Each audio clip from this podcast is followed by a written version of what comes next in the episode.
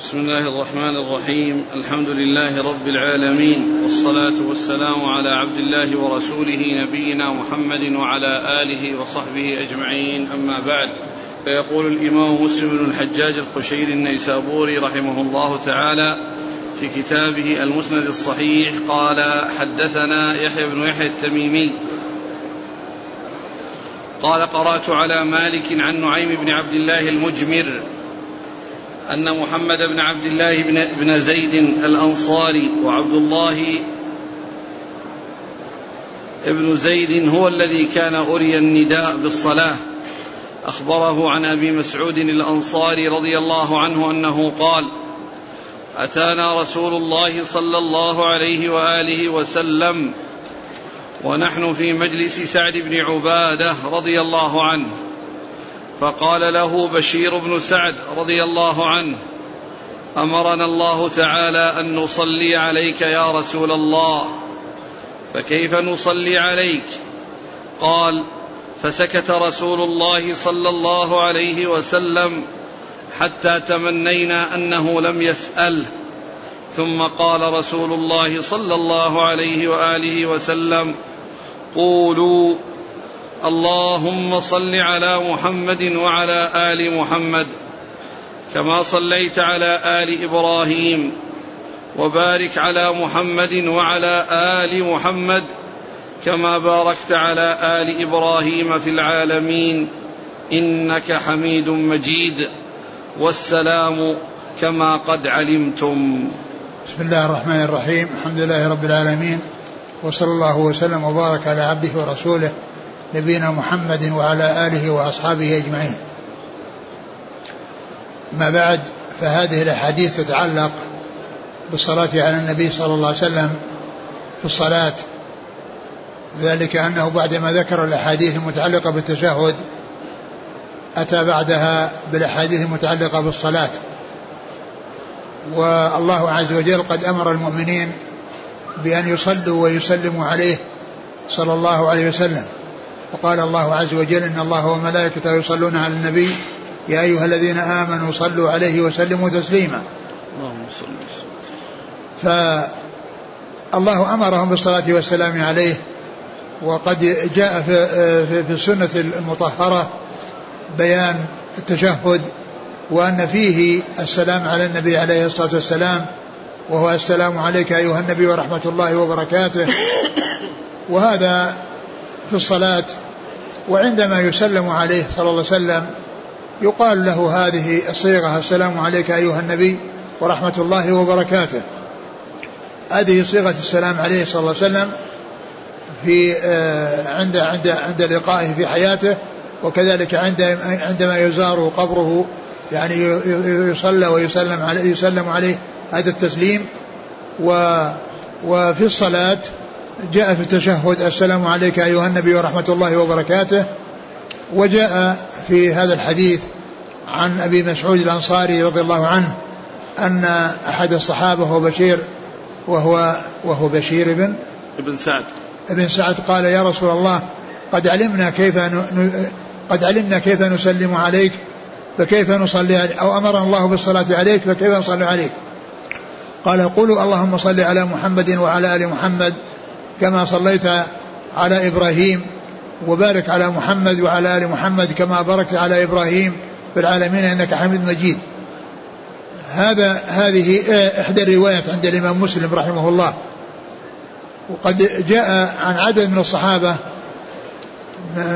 عن كعب بن عجرة وفيه قوله ألا أهدي لك هدية وسيأتي ولكن أكمل لفظ وأتم لفظ في الصلاة على النبي صلى الله عليه وسلم ما جاء في صحيح البخاري من حديث كعب بن عجرة وهو الصلاة التي فيها الجمع بين النبي صلى الله عليه وسلم وآله وإبراهيم صلى الله عليه وسلم وآله وهي الصلاة الصلاة على اللهم صل على محمد وعلى آل محمد كما صليت على إبراهيم وعلى آل إبراهيم إنك حميد مجيد اللهم بارك على محمد وعلى آل محمد كما باركت على إبراهيم وعلى آل إبراهيم إنك حميد مجيد.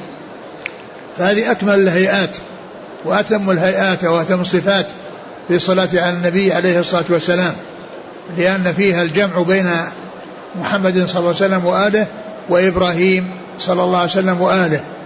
وقد جاءت في صيغ متعددة ولكن هذه أكملها. وكل واحد منهما يحصل به المقصود ولكن إذا أتي بما هو أكمل وبما هو أفضل هذا هو الأولى. وهذا ومسلم رحمه الله أورده في صفة الصلاة. وقال يعني على النبي في التشهد. يعني آه، النووي قال باب الصلاة النبي في التشهد. ومسلم ذكر الأحاديث في الصلاة بعد الصلاة بعد التشهد أحاديث التشهد. وهذا كله يتعلق بالصلاة. يتعلق بالصلاة. وقد جاء في بعض الروايات كيف نصلي نصلي نصلي عليك؟ إذا صلينا عليك في صلاتنا. إذا صلينا عليك في صلاتنا. يعني ومعنى ذلك أنهم سألوه عن الصلاة عليه في الصلاة.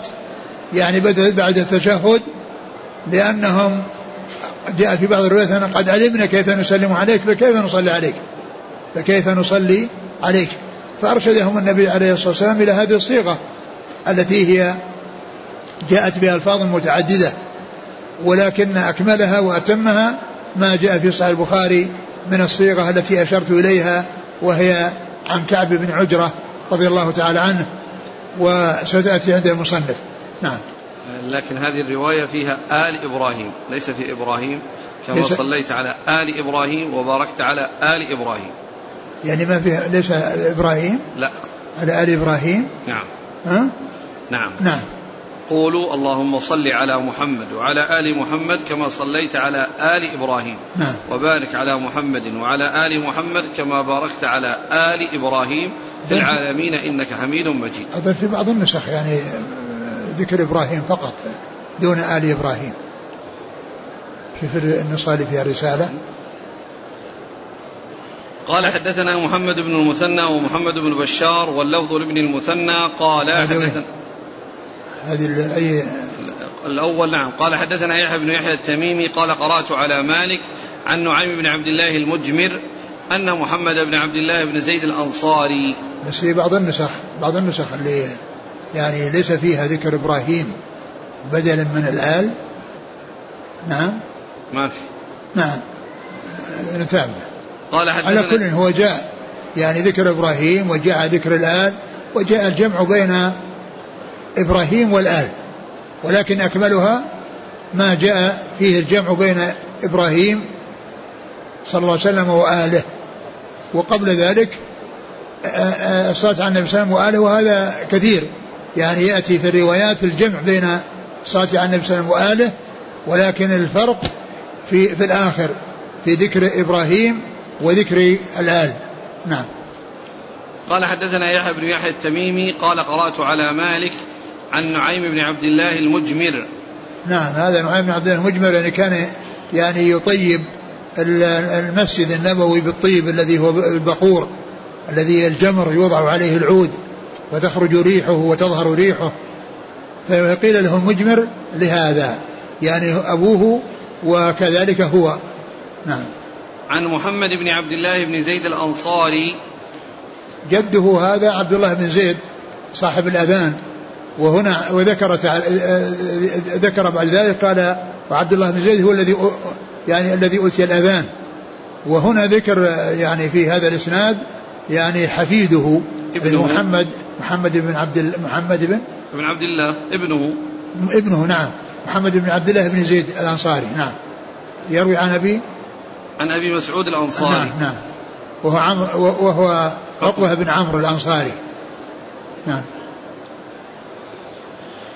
قال حدثنا محمد بن المثنى ومحمد بن بشار واللفظ لابن المثنى قال حدثنا محمد بن جعفر قال حدثنا شعبة عن الحكم قال سمعت ابن أبي ليلى قال لقيني كعب بن عجرة رضي الله عنه فقال ألا أهدي لك هدية؟ خرج علينا رسول الله صلى الله عليه وسلم فقلنا قد عرفنا كيف نسلم عليك فكيف نصلي عليك؟ قال قولوا اللهم صل على محمد وعلى آل محمد كما صليت على آل إبراهيم إنك حميد مجيد. اللهم بارك على محمد وعلى آل محمد كما باركت على آل إبراهيم إنك حميد مجيد. وهذا حديث كعب بن عجرة وفي أوله ألا أهدي لك هدية. وكذلك هو في صحيح البخاري قال ألا أهدي لك هدية. قال عبد الرحمن بن أبي قال عبد الرحمن بن أبي ليلى لقي يعني كعب بن عجرة. فقال ألا أهدي لك هدية؟ سمعتها من رسول الله صلى الله عليه وسلم. قلت بلى فهديها إلي. فقال خرج علينا رسول الله صلى الله عليه وسلم وقلنا قد علمنا كيف نسلم عليك وكيف نصلي عليك. قال قولوا اللهم صل على محمد وعلى آل محمد كما صليت على إبراهيم وعلى آل إبراهيم إنك حميد مجيد. اللهم بارك على محمد وعلى آل محمد. كما باركت على إبراهيم وعلى آل إبراهيم إنك حميد مجيد. هذه الهدية والتعبير بهذه العبارة قبل أن يحدثه بالحديث من أجل أن يهتم ويعتني بسماع ما يلقى عليه ويعرف, ويعرف أنه يعني يلقى عليه شيء له أهمية عظيمة وله شأن كبير وأن عليه أن يحرص وهذا يدلنا على حرص الصحابة رضي الله عنهم وأرضاهم على تبليغ السنن وعلى تعليم الناس العلم وأنهم يؤدون عن الرسول صلى الله عليه وسلم ما تلقوه عنه ويحرصون على أدائه ويأتون بالعبارات المشوقة المرغبة في آه، معرفة ما يلقيه عليهم. صلوات الله وسلامه وبركاته عليه. ف, ف يعني يرغبون التابعين الذين يحدثونهم بأحاديث الرسول عليه الصلاة والسلام ويأتون بالعبارات التي ترغبهم وتشوقهم وتحفزهم إلى أن يستعدوا لاستيعاب كل ما يلقى عليهم مما وصف بهذا الوصف الذي هو كونه يعني وصف بأنه هدية. فهدايا العلم هذه من هدايا العلم. ولهذا قال سمعتها من رسول الله صلى الله عليه وسلم. لأنه لو قال أهدي لك هدية يعني لاحتمل أن تكون يعني مالية أو دينية أو يعني شيء من العلم ولكنه لما قال سمعتها من رسول الله صلى الله عليه وسلم عرف بأنها هدية علم وأنها هدية ثمينة نعم قال حدثنا محمد بن المثنى ومحمد بن بشار نعم. عن محمد بن جعفر نعم. عن شعبة عن الحكم. ابن عتيبة. عن ابن أبي ليلى. عبد الرحمن بن أبي ليلى. عن كعب بن عجرة. نعم. قال حدثنا زهير بن حرب وأبو كريم. قال حدثنا وكيع عن شعبة ومسعر عن الحكم بهذا الإسناد مثله وليس في حديث مسعر ألا أهدي لك هدية. نعم. قال حدثنا زهير بن حرب وأبو كريب. محمد بن العلاء. عن وكيع بن الجراح عن شعبة ومسعر. شعبة بن الحجاج ومسعر بن كدام. عن الحكم. نعم. قال حدثنا محمد بن بكار. قال حدثنا إسماعيل بن زكريا عن الأعمش وعن مسعر وعن مالك بن مغول. كلهم عن الحكم. بهذا الإسناد مثله غير أنه قال وبارك على محمد ولم يقل اللهم نعم. قال حدثنا محمد بن بكار. عن إسماعيل بن زكريا عن الأعمش سليمان بن مهران ومسعر ومالك بن مغول نعم. كلهم عن الحكم نعم. قال حدثنا محمد بن عبد الله بن نمير قال حدثنا روح وعبد الله بن نافع حا قال وحدثنا إسحاق بن إبراهيم واللفظ له قال أخبرنا روح عن مالك بن أنس عن عبد الله بن أبي بكر عن أبيه عن عمرو بن سليم قال أخبرني أبو حميد الساعدي رضي الله عنه أنهم قالوا يا رسول الله كيف نصلي عليك؟ قال قولوا اللهم صل على محمد وعلى أزواجه وذريته كما صليت على آل إبراهيم وبارك على محمد وعلى آله وبارك على محمد وعلى أزواجه وذريته كما باركت على آل إبراهيم إنك حميد مجيد. ثم ذكر هذا الحديث عن أبي حميد الساعدي وهو في الصلاة على النبي صلى الله عليه وسلم وفيه التنصيص على الآل أو بعض الآل. اللهم صل على محمد وعلى أزواجه وذريته وعلى أزواجه وذريته. وفيه دخول الأزواج يعني في الآل وأنهن ممن آه، تشملهن. هذه الصلاة على النبي عليه الصلاة والسلام. وجاء في بعض الروايات يعني وأهل بيته وهذا يكون من عطف من من من الخاص بعد العام أو العام بعد الخاص. وهنا ذكر بعض بعض الآل يعني لأن الأزواج الذرية هم بعض الآل. نعم. قال حدثنا محمد بن عبد الله بن نمير عن روح بن عبادة. وعبد الله بن نافع نعم. قال حا وحدثنا إسحاق بن إبراهيم عن روح عن مالك بن أنس عن عبد الله بن أبي بكر. عبد الله بن أبي بكر بن محمد بن عمرو بن حزم عن أبيه. عبد الله بن أبي بكر يروي عن أبيه أبو بكر ابن محمد بن عمرو بن حزم. نعم. عن عمرو بن سليم عن أبي حميد الساعدي. نعم. قال حدثنا يحيى بن أيوب وقتيبة وابن حجر قالوا حدثنا إسماعيل وهو ابن جعفر عن العلاء عن أبيه عن أبي هريرة رضي الله عنه أن النبي صلى الله أن رسول الله صلى الله عليه وسلم قال من صلى علي واحدة صلى الله عليه عشرا. ثم ذكر هذا الحديث الذي يتعلق بفضل الصلاة على النبي عليه الصلاة والسلام وهو قوله من صلى علي واحدة صلى الله عليه بها عشرة وقد سبق أن مر الحديث عن أبي سعيد الخدري في الذكر بعد الصلاة بعد بعد يعني بعد الأذان وأنه الرسول صلى الله عليه وسلم قال ثم صلوا علي فإن من صلى علي صلاة صلى الله عليه عشرة فإن من صلى علي صلاة صلى الله عليه عشرة. والحديث مر في الأدعية بعد الأذان من حديث أبي سعيد الخدري مثل هذا الحديث الذي جاء عن أبي هريرة في المتعلق ببيان فضل الصلاة على النبي عليه الصلاة والسلام وأن من صلى عليه صلى, صلى الله عليه وسلم مرة واحدة صلى الله عليه بها عشرا. ومن المعلوم أن هذه الصيغة التي هي اللهم صل على محمد وعلى آل محمد يعني هذه الصيغة الكاملة التي يعني علمها رسول الله صلى الله عليه وسلم أصحابه عندما سألوه و ولكن آه، الصلاة والسلام على الرسول عند ذكره يكون بلفظ مختصر. فإذا مر ذكر الرسول عليه الصلاة والسلام فيقال قال رسول الله صلى الله عليه وسلم كذا أو آه، أو, أو قال علي قال رسول الله عليه الصلاة والسلام فيأتي بها مختصرة عند ذكره لأن قراءة الصلاة الطويلة عند ذكره يعني آه، تلهي أو تشغل عن المقصود ولكنه عندما يأتي ذكره فقط يعني عند ذكره يقال صلى الله عليه وسلم فقط أو عليه الصلاة والسلام فقط وهذا هو الذي كان عليه سلف هذه الأمة من الصحابة ومن بعدها. ولهذا نجد أن كتب الحديث تنتهي إلى الرسول عليه الصلاة والسلام تنتهي إلى الصحابي فيقول الصحابي قال قال رسول الله صلى الله عليه وسلم كذا أو سمعت رسول الله صلى الله عليه وسلم يقول كذا أو عن رسول الله صلى الله عليه وسلم أنه قال كذا أو نهى رسول الله صلى الله عليه وسلم عن كذا. أو أمر رسول الله صلى الله عليه وسلم بكذا. فيؤتى بهذه العبارة المختصرة.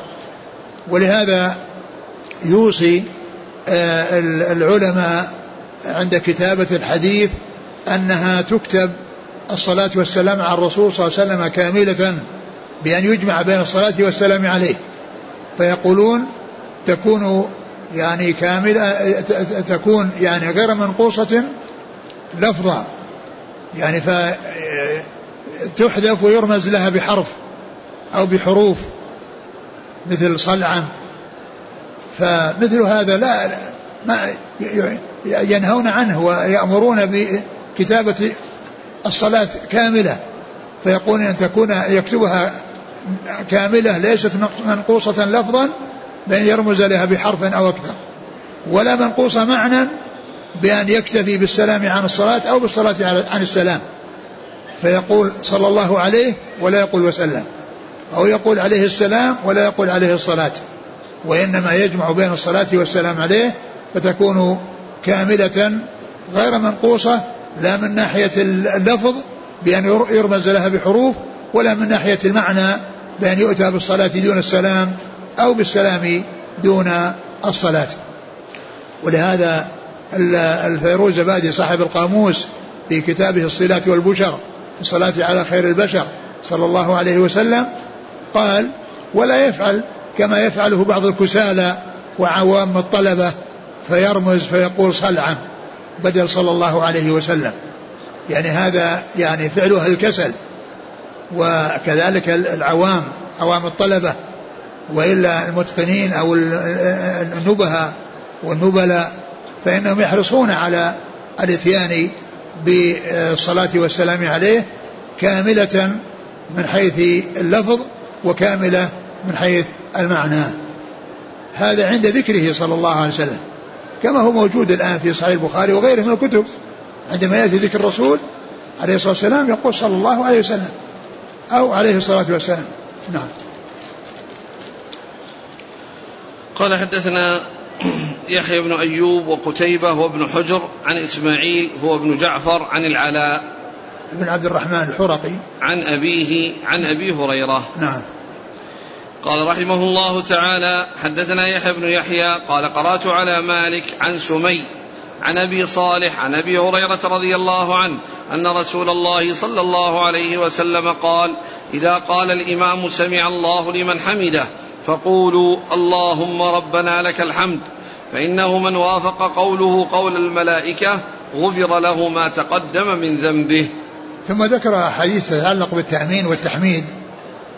ذكر أحاديث تتعلق بالتأمين والتحميد لأن يعني يأتي عند قراءة الفاتحة وعند الانتهاء منها يقول آمين. يعني المأموم يعني الإمام يعني يجهر بها والمأموم يجهر بها. يعني ف وكذلك إذا أسر فإنه يأتي بها. بعدما يقول غير المغضوب عليهم الضالين يقول آمين. يقول ذلك في السرية والجهرية ولكنه في حال الجهرية الإمام يؤمن والمأمومون يؤمنون ويرفعون أصواتهم بذلك كما يرفعون الصوت بقراءة الفاتحة. فهذا فيه يعني هذا الحديث يدل على أن أن أن, أن الإمام إذا قال غير المغضوب عليهم الضالين يقول آمين وكذلك السامعون يقولون آمين وآمين معناها اللهم استجب. يعني دعاء بمعنى اللهم استجب. نعم. قال حدثنا يحيى بن يحيى قال قرأت على مالك عن سمي. نعم سمي هو مولى أبي بكر بن عبد الرحمن بن حارث بن هشام. عن أبي صالح عن أبي هريرة. وأبو صالح وذكوان السمان. نعم. قال حدثنا قتيبة بن سعيد قال حدثنا يعقوب يعني بن عبد الرحمن عن سهيل عن أبيه عن أبي هريرة رضي الله عنه عن النبي صلى الله عليه وسلم بمعنى حديث سمي. نعم.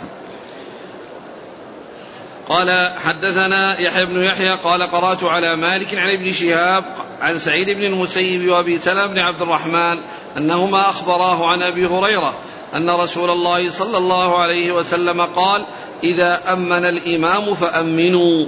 فإنه من وافق تأمينه تأمين الملائكة غفر له ما تقدم من ذنبه. قال ابن شهاب نعم. كان رسول الله صلى الله عليه وسلم يقول آمين. ثم ذكر هذا الحديث إذا أمن الإمام فأمنوا. ومعنى ذلك أن الإمام عندما ينتهي من سورة الفاتحة يقول آمين. والمأمومون يقولون آمين في الوقت الذي يقول فيه آمين. وقوله إذا أمن الإمام فأمنوا يعني إذا وجد منه الأماء التأمين فيوجد منكم التأمين. يعني لا تتقدمون عليه ولا تأخرون عليه. وكلكم عندما يقول ولا الضالين الإمام يقول آمين وهم يقولون آمين. المأموم يق... الإمام يقول آمين وهم يقولون آمين. قال من وافق تأمينه تأمين الملائكة غفر له ما تقدم من ذنبه.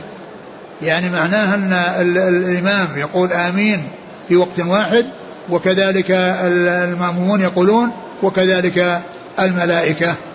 فقال فإنه من وافق تأمينه تأمين الملائكة غفر له ما تقدم من ذنبه.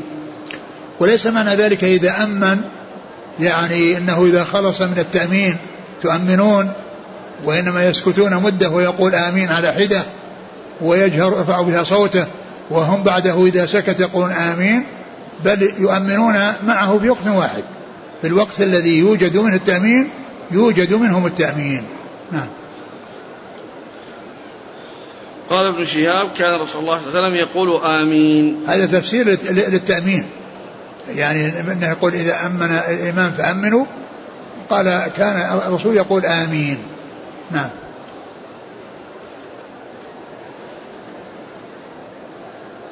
قال حدثني حرملة بن يحيى قال أخبرنا ابن وهب قال أخبرني يونس عن ابن شهاب قال أخبرني ابن المسيب وأبو سلام بن عبد الرحمن أن أبا هريرة رضي الله عنه قال سمعت رسول الله صلى الله عليه وسلم بمثل حديث مالك ولم يذكر قول ابن شهاب. نعم. قال حدثني حرملة بن يحيى عن ابن وهب. عبد الله بن وهب. عن يونس. بن يزيد الأيلي. عن ابن شهاب. نعم. عن ابن المسيب. نعم. وأبي سلام بن عبد الرحمن نعم. عن أبي هريرة. نعم. قال حدثني حرملة بن يحيى قال حدثني ابن وهب قال أخبرني عمرو أن أبا يونس حدثه عن أبي هريرة رضي الله عنه أن رسول الله صلى الله عليه وآله وسلم قال إذا قال أحدكم في الصلاة آمين والملائكة في السماء آمين فوافق إحداهما الأخرى غفر له ما تقدم من ذنبه. نعم. قال حدثني حرملة بن يحيى عن ابن وهب عن عمرو. عمرو بن الحارث المصري. عن أبي يونس. وهو سليم بن جبير المصري. عن أبي هريرة. يعني والإسناد كله مصريون إلا أبا هريرة. الإسناد كله مصريون إلا أبا هريرة. نعم. فمدني. نعم. قال حدثنا عبد الله بن مسلمة القعنبي قال حدثنا المغيرة عن أبي الزناد عن الأعرج عن أبي هريرة رضي الله عنه أنه قال قال رسول الله صلى الله عليه وآله وسلم إذا قال أحدكم آمين والملائكة في السماء آمين فوافقت إحداهما الأخرى غفر له ما تقدم من ذنبه. نعم. قال حدثنا عبد الله بن مسلمة القعنبي نعم. عن المغيرة. وهو بن عبد الرحمن الحزامي.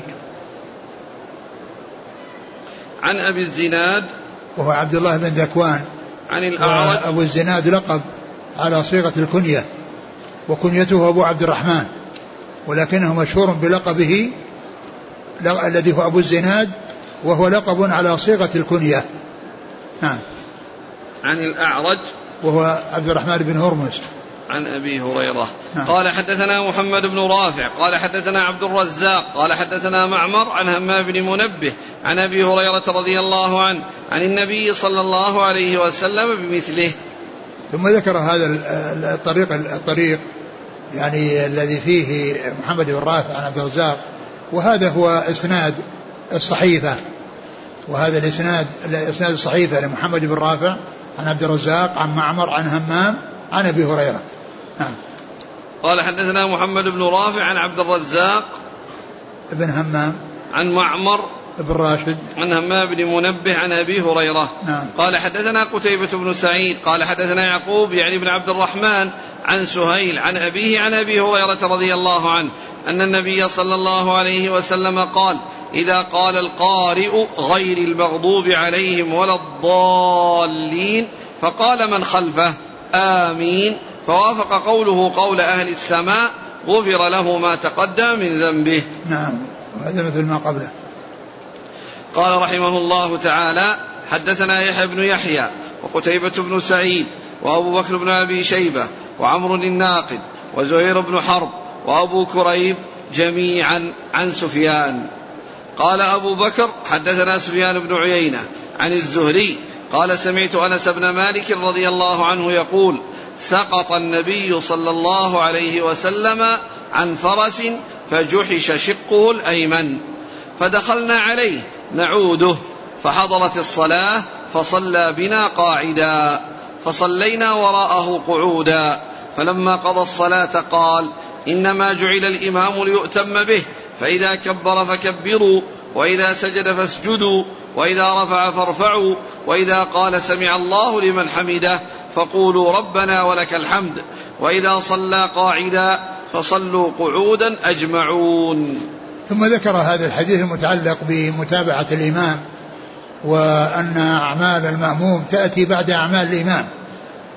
لا مسابقة ولا موافقة ولا تخلف وإنما متابعة بحيث يكون يعني عمل المأموم بعد عقب عقب عمل الإمام, الإمام مباشرة فلا يسابقه بأن يتقدم عليه ولا يوافقه بأن يكون معه لا يتقدم ولا يتأخر ولا يتأخر عنه وإنما يكون متابعة بحيث يعني يأتي, يأتي بعده مباشرة.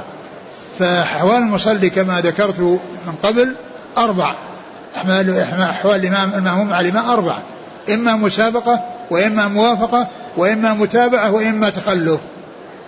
والمشروع هو المتابعة بأن تأتي أفعال المأموم عقب أفعال الإمام بدون تأخر وبدون موافقة وبدون مسابقة.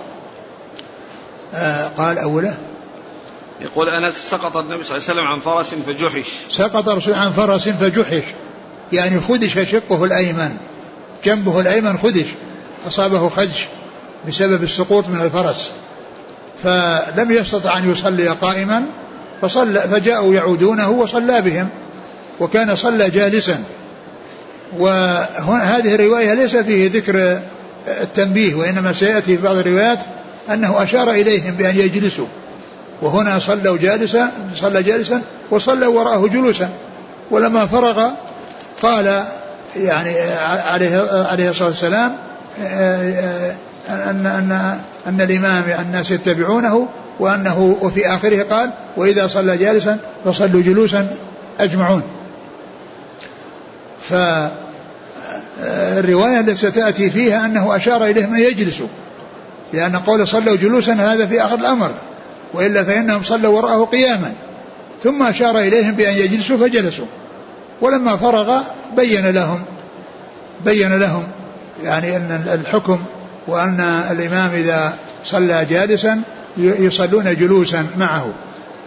ومعلوم أن الإمام إذا كان مرضه يعني مستمر فإن الذي يليق في حقه أن ينوب من يقوم مقامه ولا يستمر يصلي بالناس وهو غير قادر.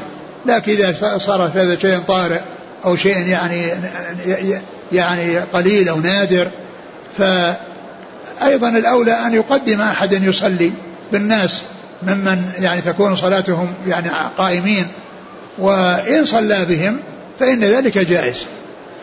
كما جاء في هذا الحديث أن الرسول حصل منه ذلك لكن لا يقال أن هذا سنة وأن من حصل كذلك فإنه لا يتركه ولا يقدم غيره. ولكنه جائز وله وله أن يفعل ذلك. ولهذا قال وإذا صلى جالسا فصلوا جلوسا أجمعين. لكن إذا أمكن أن, أن أنه يقدم غيره ويتولى الصلاة وهم يصلون الإمام قائم وهم قائمون فإن هذا هو الأولى. ولكن إن وجد وإن حصل وكان شيئا نادرا أو طارئا أو شيئا قليلا فإن ذلك هو الذي يدل عليه هذا الحديث. من ناحية أن ذلك أن ذلك جائز. نعم. الحديث قال الأول عن أنس قال سقط النبي صلى الله عليه وسلم عن فرس فجحش شقه الأيمن فدخلنا عليه نعوده فحضرت الصلاة فصلى بنا قاعدا فصلى يعني حضرت الصلاة يعني الفريضة فصلى بهم قاعدا وصلى وراءه قعودا ولكن هذا فيه اختصار لأنه سيأتي أنه أشار إليهم. كانوا قائمين فأشار إليهم أن يجلسوا. نعم. فلما قضى الصلاة قال إنما جعل الإمام ليؤتم به فإذا كبر فكبروا وإذا سجد فاسجدوا وإذا رفع فارفعوا وإذا قال سمع الله لمن حمده فقولوا ربنا ولك الحمد وإذا صلى قاعدا فصلوا قعودا أجمعون. هذا كله بيان صفة الصلاة ومتابعة الإمام المأموم الإمام وأنه يأتي بالأفعال عقبة وأنه إذا كبر يكبر وإذا قال سمع الله لمن حمده يقول ربنا ولك الحمد وإذا ركع سجد يسجد وإذا صلى جالسا يجلس يصلي وراءه جالسا. نعم.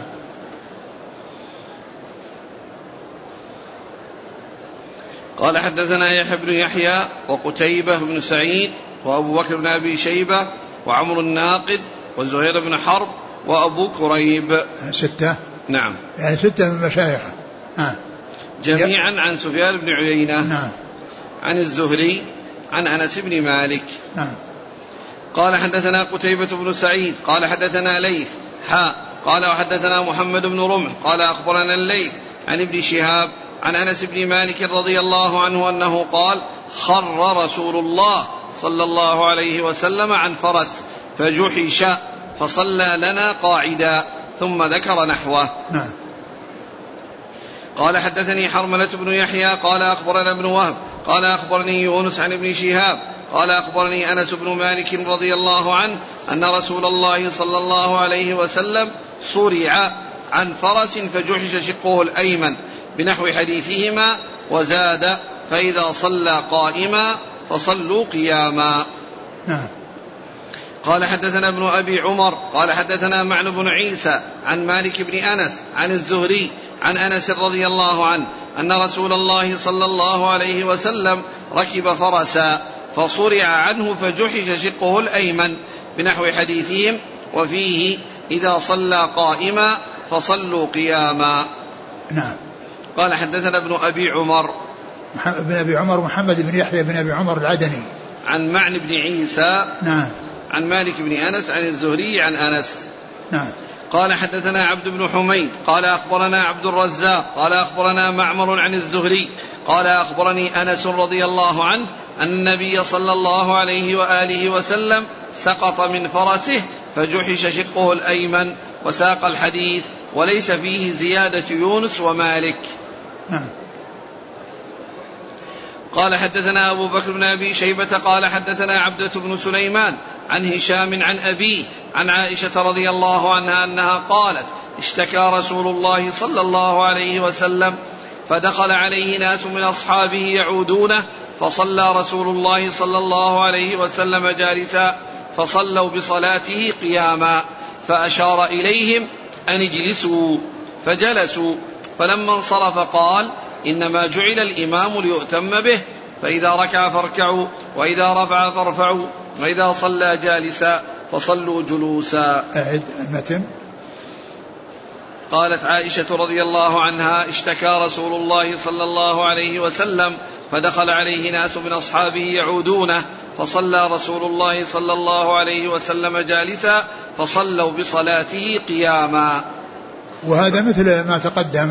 إلا أن فيه زيادة أنه أشار إليهم أن يجلسوا لأنهم دخلوا في الصلاة قياما وهو جالس فأشار إليهم أن يجلسوا فجلسوا وصلوا وراءه جلوسا. ثم بعد ذلك قال فلما سلم فلما انصرف قال إنما جعل الإمام ليؤتم به فإذا ركع فاركعوا وإذا رفع فارفعوا وإذا صلى جالسا فصلوا جلوسا. نعم.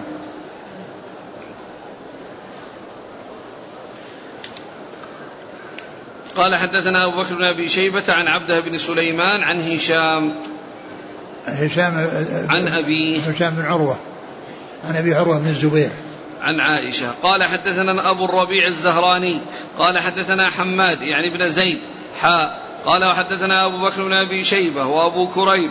قال حدثنا ابن نمير حاء قال وحدثنا ابن نمير قال حدثنا أبي جميعا عن هشام بن عروة بهذا الإسناد نحوه. قال حدثنا أبو الربيع الزهراني وسليمان بن داود. عن حماد بن زيد حاء قال وحدثنا أبو بكر بن أبي شيبة وأبو كريب عن ابن نمير. وهو عبد الله بن نمير. حاء قال وحدثنا ابن نمير. محمد. عن أبيه. نعم. عن هشام بن عروة. نعم. قال حدثنا قتيبة بن سعيد. قال حدثنا ليث. حاء قال وحدثنا محمد بن رمح. قال أخبرنا الليث عن أبي الزبير.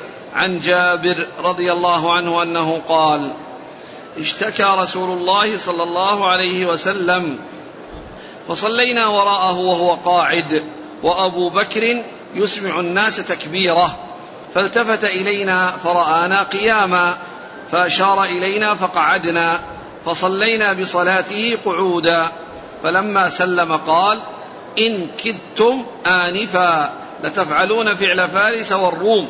يقومون على ملوكهم وهم قعود. فلا تفعلوا ائتموا بأئمتكم. إن صلى قائما فصلوا قياما وإن صلى قاعدا فصلوا قعودا. ثم ذكر هذا الحديث عن جابر بن عبد الله وفيه أن أبا بكر كان معهم وأنهم صلوا وراءه قياما وأن أن أن أنهم آه، وأنه أشار إليهم بأن يجلسوا وأن أبا بكر كان يبلغ عن الرسول صلى الله عليه وسلم. ف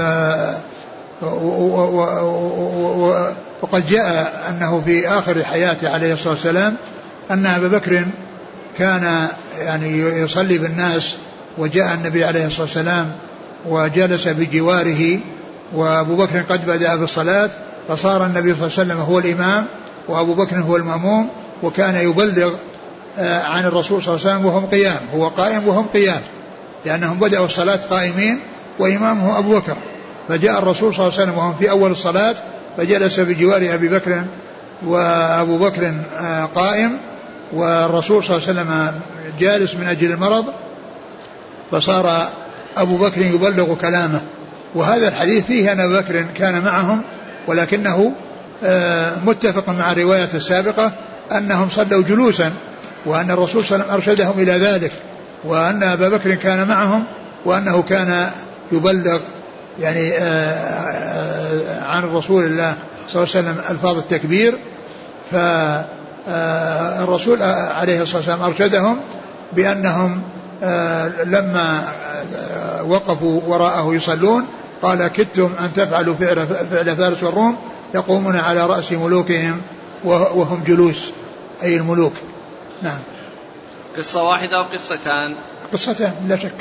لأن حديث ذاك صلوا قياما وفي وما فيه أنه ولا فيه شيء يدل على أنهم صلوا جلوسا وإنما صلوا قياما. وأما هذه القصة صلوا جلوسا. نعم ما ما أعد لو سمحتم. القصة الآن قصة قصة دخول الصحابة على النبي صلى الله عليه وسلم لما جحش. هذه يعني قصة هذه أبي, أبي بكر الآن زيادة هنا أبي بكر. هل هي قصة واحدة؟ هي واحدة. نعم. واحدة. هي واحدة. هذا السؤال. هي واحدة لأنها هي المتعلقة ب بأنه صلى جالسا. وأما صلاته بهم في آه، قبل موته. في قبل موته فهم كانوا قياما. أبو بكر قائم والصحابة كلهم وراء قيام وكانوا يصلون. ولهذا قال بعض أهل العلم إن إن الصلاة جلوس منسوخة لأن هذا آخر الأمرين من رسول الله صلى الله عليه وسلم الذي هو كونه صلى بهم يعني جالس وهم وهم قيام. فقالوا إن الصلاة التي كانت في أول الأمر كانت منسوخة. وبعض العلم قال إنها ليست منسوخة ولكنها تحمل على أن إمام الحي إذا حصل منه علة وأنه صلى بهم جالسا وبدأ الصلاة جالسا فإنهم يبدأون معه وأنه إذا كان يعني بدأوا الصلاة قائمين و فإنهم يستمرون على على صلاتهم وإن حصل أن أن الذي الذي كان يؤمهم هو جالس لأن النبي صلى الله عليه وسلم جاء وأمهم وهو جالس وأبو بكر بجواره يبلغ عنه ولكن صلاتهم هو, هو قائم. فهذا الحديث الذي يعني فيه ذكر جابر يعني إما أن يكون أنه في نفس القصة التي فيها كونه جحش أو أنها قصة أخرى ولكنها آه ليست هي التي فيها تبليغ أبو بكر آه في في مرض موت النبي عليه الصلاة والسلام. لأن تلك يعني كانوا صلوا قياما وهنا أشار إليهم بأن يجلس فهي إما أن تكون هي نفس القصة اللي فيها جحش ولكن الصلاة فيها, فيها جلوس ما فيها قيام آه كالذي حصل في آخر حياته عليه الصلاة والسلام.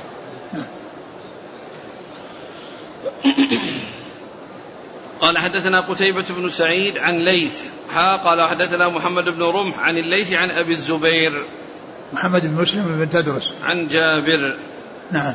قال حدثنا يحيى بن يحيى قال أخبرنا حميد بن عبد الرحمن الرؤاسي عن أبيه عن أبي الزبير عن جابر رضي الله عنه أنه قال صلى بنا رسول الله صلى الله عليه وسلم وأبو بكر خلفه فإذا كبر رسول الله صلى الله عليه وسلم كبر أبو بكر ليسمعنا ثم ذكر نحو حديث الليث.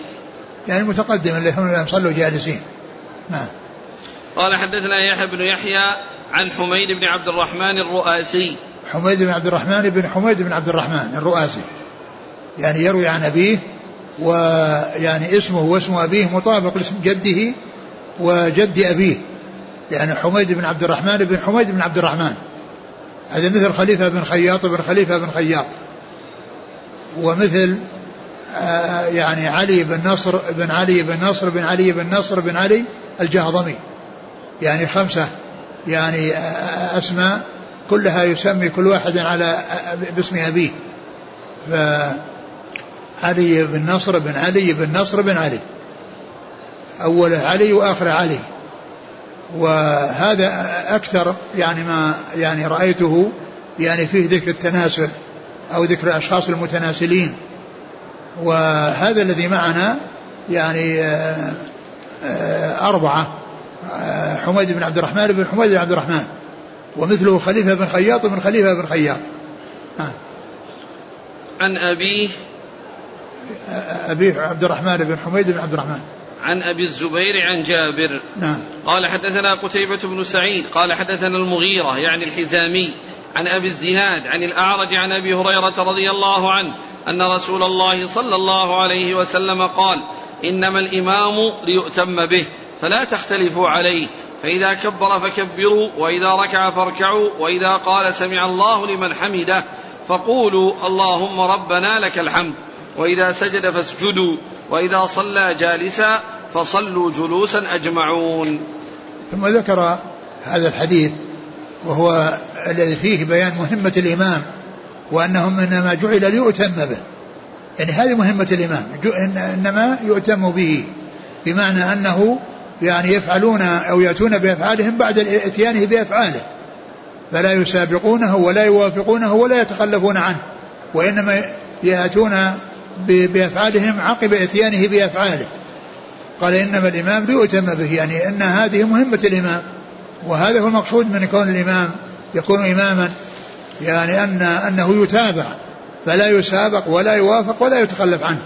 ثم ذكر التفاصيل مثل ما تقدم في بعض الروايات إذا إذا كبر فكبروا وإذا ركع فاركعوا وإذا سجد فاسجدوا وإذا صلى جالسا فصلوا جلوسا أجمعون. قال حدثنا ثم, ثم إن المسابقة يعني مسابقة الإمام يعني آه، ما هي من, من, من, من, من, من تلاعب الشيطان بالإنسان الذي يفعل هذا الفعل.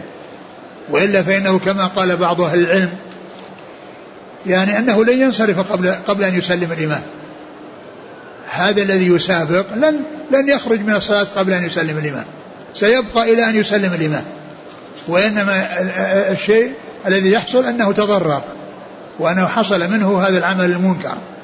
وإلا فإنه هذه المسابقة لا تفيد شيئا لأنه لن ينصرف قبل قبل انصراف الإمام. سيبقى إلى أن يوجد التسليم ثم ينصرف. ولهذا يعني كما يقال لا لمن يسابق الإمام لا بإمامك اقتديت ولا وحدك صليت. نعم. قال حدثنا محمد بن رافع قال حدثنا عبد الرزاق قال حدثنا معمر عن همام بن منبه عن أبي هريرة رضي الله عنه عن النبي صلى الله عليه وآله وسلم بمثله. نعم وهذا أيضا من من من الإسناد الذي فيه فيه آه، الصحيفه أو إسناد الصحيفه. نعم. قال رحمه الله تعالى حدثنا إسحاق بن إبراهيم وابن خشرم قال أخبرنا عيسى بن يونس قال حدثنا الأعمش عن أبي صالح عن أبي هريرة رضي الله عنه قال كان رسول الله صلى الله عليه وآله وسلم يعلمنا يقول لا تبادر الإمام. إذا كبر فكبروا وإذا قال ولا الضالين فقولوا آمين وإذا ركع فاركعوا وإذا قال سمع الله لمن حمده فقولوا اللهم ربنا لك الحمد. ثم ذكر هذا الحديث الذي فيه متابعة الإمام وأنه لا يبادر أي لا يسابق قال لا, لا تبادر الإمام. يعني لا تسابقوه ولا تأتوا بالأعمال قبل أعماله وإنما ائتوا بأفعالكم بعد أفعاله. لا تبادر الإمام فإذا كبر إذا فكبروا. إذا كبر فكبروا. يعني فكبروا يعني معناها التكبير بعد التكبير. يعني بعدما ينتهي من التكبير ويعني ينتهي من التلفظ به يؤتى بالله أكبر بعده. لأنه لو كبر مع تكبير الإمام صار موافقا له. ولو كبر قبله صار مسابقا له. صار مسابقا له. ولا تنعقد صلاته لا تنعقد صلاته يعني إذا كبر قبل الإمام لأنه آه، صلى بدون إمام. وقال الله أكبر وليس له إمام. لأن الإمام إنما كبر بعد أن كبر هو. قال فإذا كبر فكبروا. وإذا قال ولا الضالين فقولوا آمين. وإذا قال ولا الضالين فقولوا آمين. يعني بعدما ينتهي من الضالين من لفظ الضالين يأتي المأموم بآمين وكذلك الإمام كما عرفنا. وإذا وإذا ركع فاركعوا وإذا قال سمع الله لمن حمده فقولوا اللهم ربنا لك الحمد. وإذا قال سمع الله لمن حمده فقولوا اللهم ربنا لك الحمد. وقد عرفنا فيما مضى أن أن السنة في حق المأموم أن يقول ربنا ولك الحمد. لا يقول سمع الله لمن حمده. لأن النبي صلى الله عليه وسلم قال وإذا قال سمع الله لمن حمده فقولوا ربنا ولك الحمد. ما قال وإذا قال سمع الله فقولوا سمع الله لمن حمده. وإنما قال إذا قال سمع الله فقولوا ربنا ولك الحمد. فيعني هذا يعني آه، يدل على أن عمل المأموم أو قول المأموم بعد أن يقول الإمام سمع الله حمده يقول ربنا ولك الحمد. أن يقول ربنا ولك الحمد. هذا هو عمل المأموم وهو دال على على على أن هذا هو الذي يفعل المأموم. وبعض أهل العلم قال إن المأموم يقول سمع الله لمن حمده ويستدل لذلك بعموم قوله صلى الله عليه وسلم صلوا كما رأيتموني أصلي. صلوا كما رأيتموني أصلي. وهو يقول ربنا ولك الحمد. يقول سمع الله لمن حمده. فإذا المأموم يقول سمع الله لمن حمده. لكن هذا الحديث موضح ومبين مفصل وهو أن يقول ربنا وهو أن يقول ربنا ولك الحمد. ولم يقل الرسول صلى الله عليه وسلم إذا قال سمع يقول سمع الله لمن حمده.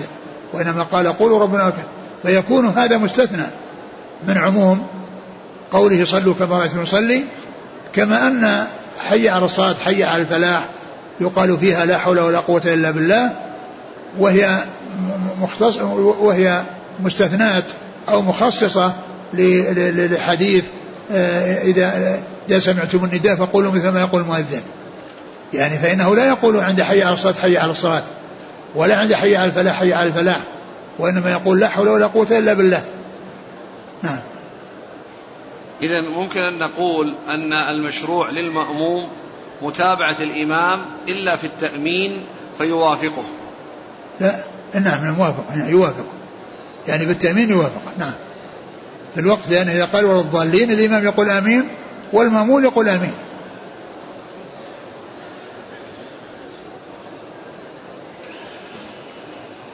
قال حدثنا قتيبة قال حدثنا عبد العزيز يعني الدراوردي عن سهيل بن أبي صالح عن أبيه عن أبي هريرة رضي الله عنه عن النبي صلى الله عليه وسلم بنحوه إلا قوله ولا الضالين فقولوا آمين وزاد ولا ترفعوا قبله. نعم. قال حدثنا قتيبة عن عبد العزيز يعني الدراوردي. نعم. عن سهيل بن أبي صالح عن أبيه عن أبي هريرة. نعم. قال حدثنا محمد بن بشار قال حدثنا محمد بن جعفر قال حدثنا شعبة. حاء قال وحدثنا عبيد الله بن معاذ واللفظ له. قال حدثنا أبي قال حدثنا شعبة.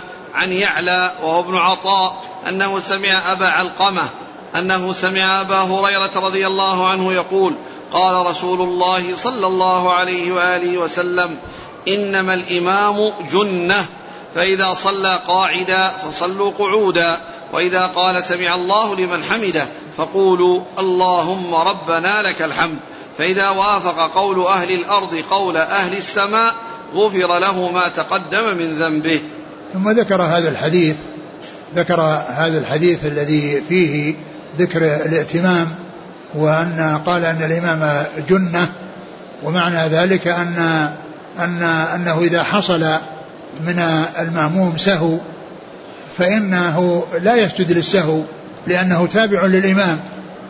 وإنما إذا كان سهى بعد فيما يقضيه إذا كان مسبوق فإنه يسجد للسهو. أما إذا حصل منه سهو في أثناء الصلاة وراء الإمام فإن فإنه لا يلزمه سجود سهو وكذلك المرور يعني بين الصفوف يعني لا بأس بذلك لأن سترة الإمام سترة للمأمومين. يعني فلو مشى أحد بين الصفوف للحاجة ما في بأس لا يرد ولا يمنع وإنما المنع أن يمر بين يدي الإمام أن يمر بين يدي الإمام. يعني فمن ناحية المرور يعني المنع هو إنما هو الإمام. لا يمر أحد بينه وبين سترته.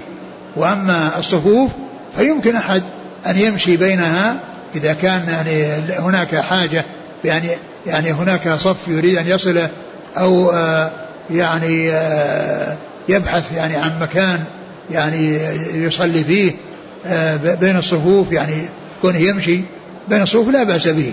لكنه لا يصلي إلا في صف لا يصلي بين السواري وحده. ولكن إن كان هناك حاجة إلى أن يصلي جماعة بين السواري لا بأس بذلك لكن لا يصلي وحده بين السواري.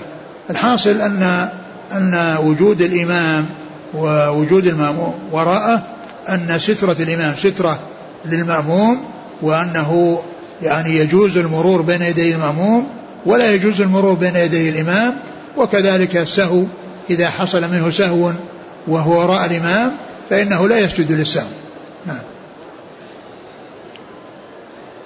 قال حدثنا محمد بن بشار عن محمد بن جعفر. عن شعبة حا قال وحدثنا عبيد الله بن معاذ عن أبيه معاذ معاذ بن معاذ العنبري. عن شعبة عن يعلى وهو ابن عطاء عن أبي علقمة. أبو علقمة الفارسي المصري. نعم. عن أبي هريرة. نعم. قال حدثني أبو الطاهر. قال حدثنا ابن وهب. عن حيوة أن أبا يونس مولى أبي هريرة رضي الله عنه حدثه قال سمعت أبا هريرة رضي الله عنه يقول عن رسول الله صلى الله عليه وسلم أنه قال إنما جعل الإمام ليؤتم به فإذا كبر فكبروا وإذا ركع فاركعوا وإذا قال سمع الله لمن حمده فقولوا اللهم ربنا لك الحمد وإذا صلى قائما فصلوا قياما. وإذا صلى قاعدا فصلوا قعودا أجمعون. وهذا مثل ما تقدم. قال حدثنا أبو الطاهر أحمد بن السرح. عن ابن وهب عبد الله بن وهب عن حيوة بن شريح المصري. عن أبي يونس عن أبي هريرة. نعم. وهذا مثل ما تقدم. يعني الإسناد كله مصريون إلا الصحابي اللي هو أبو هريرة فإنه مدني. حديث الاستخلاف. ها؟ باب الاستخلاف. نعم والله تعالى أعلم. وصلى الله وسلم وبارك على عبده ورسوله نبينا محمد وعلى آله وأصحابه أجمعين.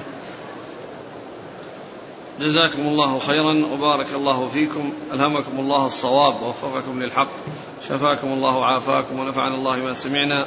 غفر الله لنا ولكم وللمسلمين أجمعين آمين.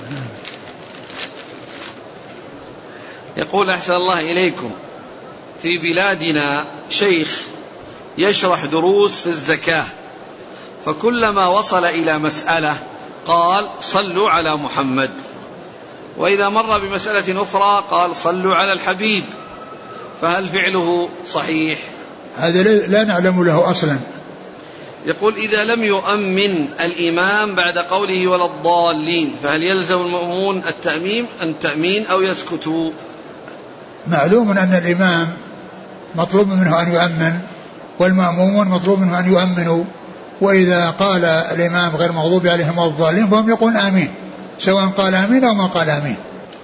يقول ما معنى قوله ولا ترفعوا قبله؟ يعني في من الركوع. لا ترفعوا قبله يعني إذا ركع فاركعوا ولا ترفعوا قبله يعني قبل أن يرفع من الركوع. لأن الحديث وإذا ركع فاركعوا فيه. يقول رأيت إماما عندما يهوي إلى السجود يكبر قبل أن تصل جبهته إلى الأرض مما نتج عنه أن بعض المؤمومين يبادر بالسجود قبل وصول الإمام إلى الأرض. فعليه هل تبطل صلاة المأموم؟